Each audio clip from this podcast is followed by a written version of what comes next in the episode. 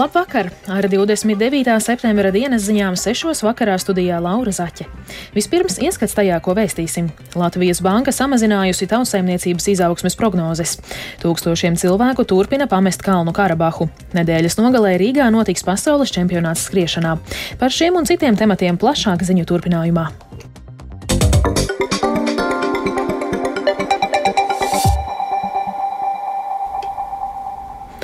Latvijas banka būtiski pazeminājusi mūsu valsts ekonomikas izaugsmes prognozes šim gadam. Tautsēmniecības izaugsmes prognoze samazināta no 1,2 uz 0,6%.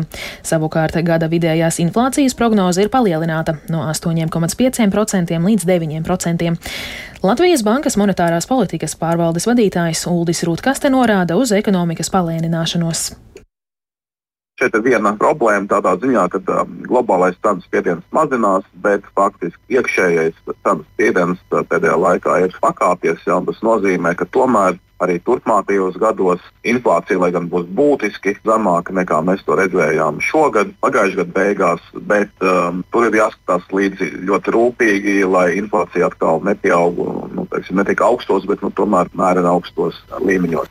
Latvijas iekšzemes koprodukta pieauguma prognoze šim gadam, kā ar šīm prognozēm? Jā, nu, šeit jāatzīst, bijām nedaudz optimistiski, un šī gada otrais un trešais ceturksnis ir izrādījies vājāks. Nu, faktiski ekonomika ir stāvējusi uz vietas vai pat nedaudz samazinājusies. Otrajā ceturksnī šogad kopumā arī atlikušos mēnešus negaidām nekādas pārsteigumus, bet kopumā, sākoties ar šī gada beigām un nākamajā gadā, nu, teiksim, ekonomikai vajadzētu atkopties, jo tas, ko mēs redzam, bezdarbs joprojām zems, bet iedzīvotāji reālie ienākumi sāk atgūties ja, pēc uh, inflācijas šoka.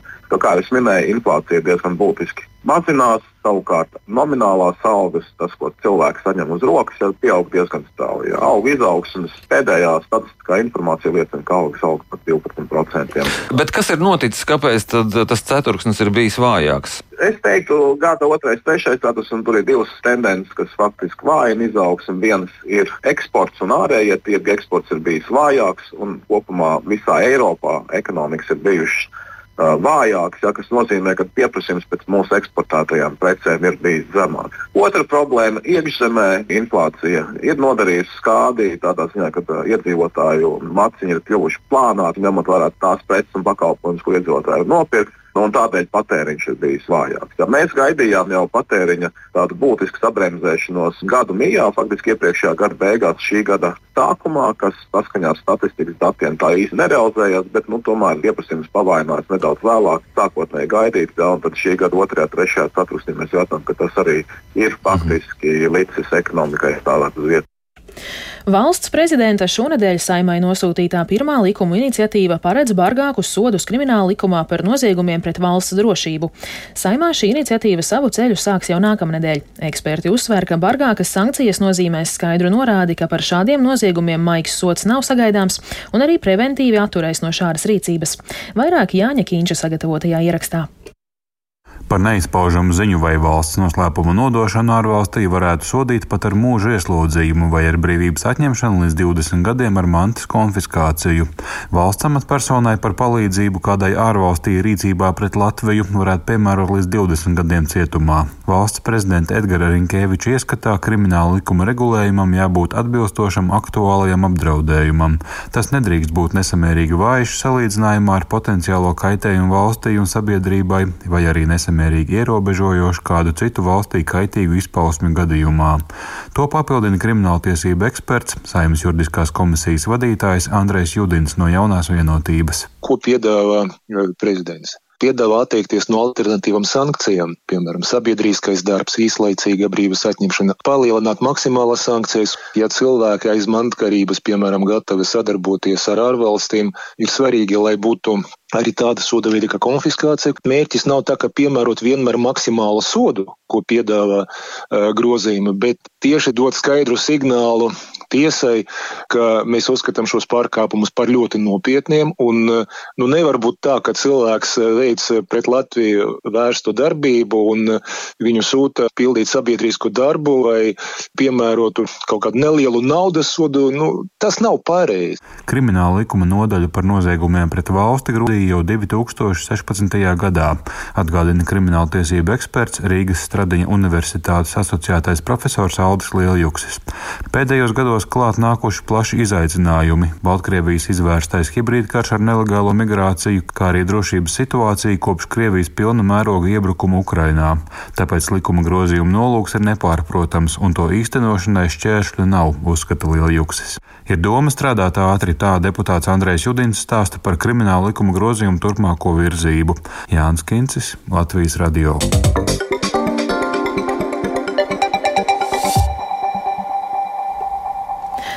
Tūkstošiem cilvēku turpina pamest Kalnu Karabahu. Kaut arī Azerbaidžānas vadība ir mudinājusi reģionu iedzīvotājus palikt mājās, daudzi atceras iepriekšējo asiņaino konfliktu starp armēņiem un azerbaidžāņiem un tādēļ baidās par savu dzīvību. Vairāk stāsta mūsu Briseles korespondents Artjoms Konohovs. Aptuveni divas trešdaļas Kalnu Karabahas iedzīvotāju, jeb 90 tūkstoši cilvēku, jau ir pametuši šo reģionu un devušies bēgļu gaitās uz Armēniju. Viņu vidū arī Marijāna Akopjāne un Georgs, ko satika Britu raidsabiedrība BBC. Slikti. Ļoti slikti, bet ko vēl mēs varam darīt? Es nezinu, man ir pārāk sāpīgi. Es nevaru atbildēt uz šiem jautājumiem. Nu, 30 лет жить, строить дома, Там, nu, вот так взять и сказать, что нету Арцаха больше. Это... 30 gadus mēs dzīvojām, cēlām mājas. Un tad vienā dienā tiek pateikts, ka Arcahas vairāk nav. Tā ir armēņu tautas traģēdija. Mums vairs nav spēka cīnīties, jo mēs tur palikām vienatnē. Mūs pameta vienatnē. Arcahas republika ir nosaukums, ko armēņi lieto, lai apzīmētu Kalnu Karabahu. Azerbaidžānas vadība mudina šī reģiona iedzīvotājus palikt savās mājās un integrēties. Tomēr daudzi netic, ka būs drošībā. Turklāt amatpersonas Erevānā ir publiski apsūdzējušas Azerbaidžānu etniskās tīrīšanas sarīkošanā reģionā. Baku to noliedz. Lai pārliecinātos par Kalnu Karabahā notiekošo, Eiropas Savienība ir mudinājusi Azerbaidžānu tuvākajās dienās ielaist apvienoto nāciju organizācijas misiju.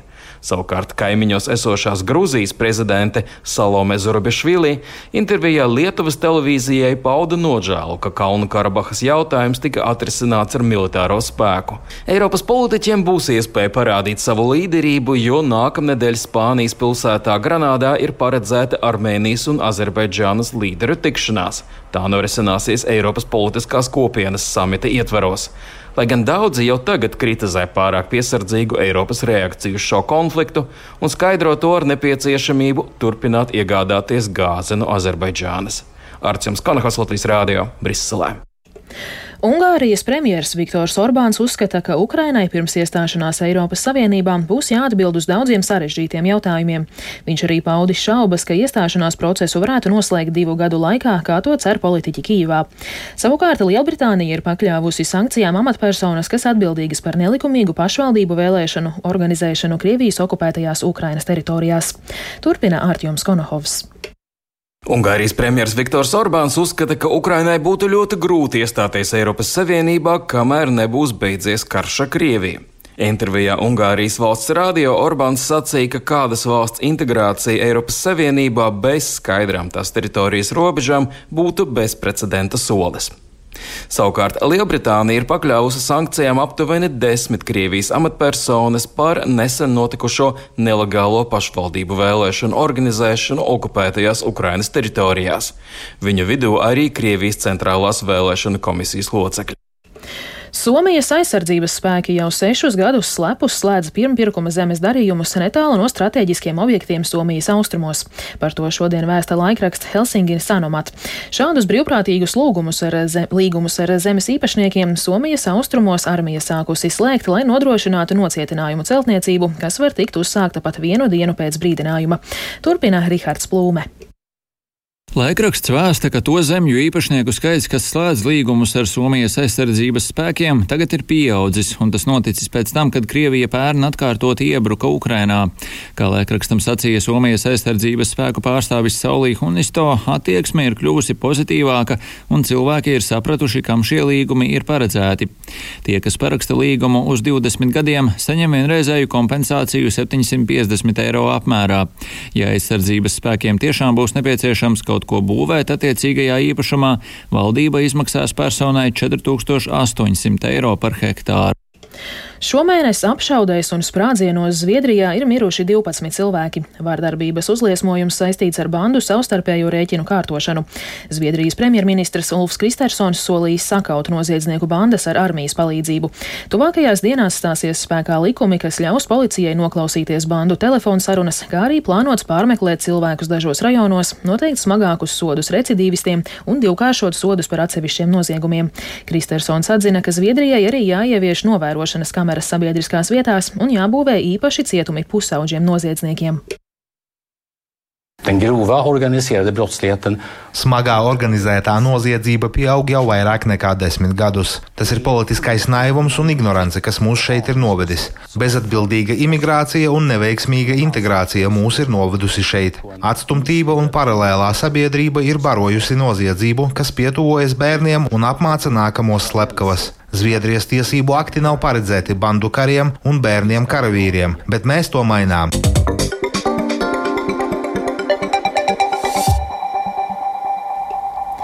Reaģējot uz Rēzeknes pilsētas kritisko finansiālo stāvokli, pie Rēzeknes domes iedzīvotāji šodien rīkoja zibakciju ar kabaci pret bankrotu. Rēzeknieši akcijā nesa rudens veltes, kas nonāks sociālā dienesta pārtikas skapī, kā arī varēja izteikt novēlējumu domai. Turpina viena no akcijas organizatoriem Inga Zeltiņa. Mums nav viena alga, mēs sekojam līdzi, kas notiek pilsētas budžetu, proti budžeta deficīts atkal tika palielināts, nesamērīgā sadale starp budžeta tēriņiem un tā, kas paliek pilsētnieku vajadzībām. Mēs uzskatām, ka tomēr par to vairāk jāinformē un jāļauj arī pilsētniekiem izteikties. Šajā zibakcijā var piedalīties attālināt. Aicinām iesūtīt nelielu video, bildi ar savu plakātu, ar savu digitālo ķirbi vai kabaci. Un vēl par sportu. Krievijas sportisti piedalīsies Parīzes Paralimpiskajās spēlēs. Tā šodien lēma Starptautiskā paralimpiskā komiteja. Kaut arī Krievija jau ilgāk nekā pusotru gadu karo Ukrainā, 74 dalību valstis nobalsoja pār Krievijas sportistu dalību spēlēs. 65 balsoja pret, bet 13 valstis atturējās. Šodien sagaidāms vēl otrs balsojums, kurā izšķirsies, vai Krievi Parīzē drīkstēs sacensties ar savu nacionālo simboliku vai kā neitrālie sportisti. Atsevišķi balsojumi plānoti par balsojumiem Baltkrievijas sportistiem, kuri arī ir diskvalificēti. Jau rīt un parīt Rīgas ielās norisināsies vērienīgais pasaules čempionāts skriešanā. Rīgā pulcēsies tūkstošiem skrējēju no visas pasaules, un tik augsta ranga vieglatlētikas notikums Latvijā risināsies pirmoreiz. Tajā piedalīsies skrējēji no vairāk nekā simts valstīm, tostarp pasaules rekordisti un olimpiskie čempioni. Rīgā viesojas arī Starptautiskās vieglatlētikas federācijas prezidents Sebastians Ko, kurš uzsver šī čempionāta vēsturisko nozīmi. Riga over the next few days is making history. Uh, we haven't had. Rīga nākamajās dienās veidos vēsturi. Nesam ieviesuši jaunus pasaules čempionātus kopš 2014. gada, kad Bahamu salās iesākām pasaules čempionātu stafetēs.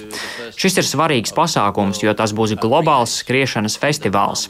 Esam priecīgi, ka pirmo čempionātu uzņem tieši Rīga. Strādājam ar ļoti labu federāciju un organizatorisko komiteju. Personīgi esmu ļoti priecīgs, ka esam spējuši pirmo pirmo reizi pasaules čempionātā oficiāli iekļaut jūdzes distanci. Ne tikai tā ir viena no pieejamākajām distancēm, bet tā ir distance, kurai ir īpaša vēsture.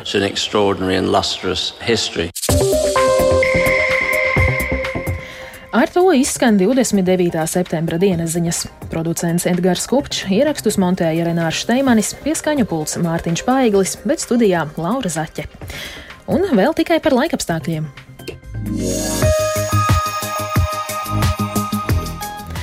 Gaisa temperatūra Rīgā šobrīd ir 22 grādi un pūš dienvidu vējš 2 m2. Atmosfēras spiediens ir 765 mm, bet relatīvais gaisa mitrums 66%. Par to, kāds laiks gaidāms turpmākajās dienās, pastāstīs sinoptiķe Ilze Golubeva. Pēc vasarīgi siltas un sausas darba nedēļas izskaņas brīvdienas atnāks nu jau ar nedaudz vēsāku un arī lietaināku laiku. Sestdien daudz viet Latvijā īslaicīgi līs, bet svētdien nokrišņi skars galvenokārt vidzeme. Tāpat piekrastē pūtīs arī brāzmains vējš un naktas stundās temperatūra pazemināsies līdz plus 10, plus 16 grādiem, bet dienu laikā nebūs siltāks par plus 19 grādiem. Arī jaunadēļ bieži gaidāms lietus un laiks būs vējains.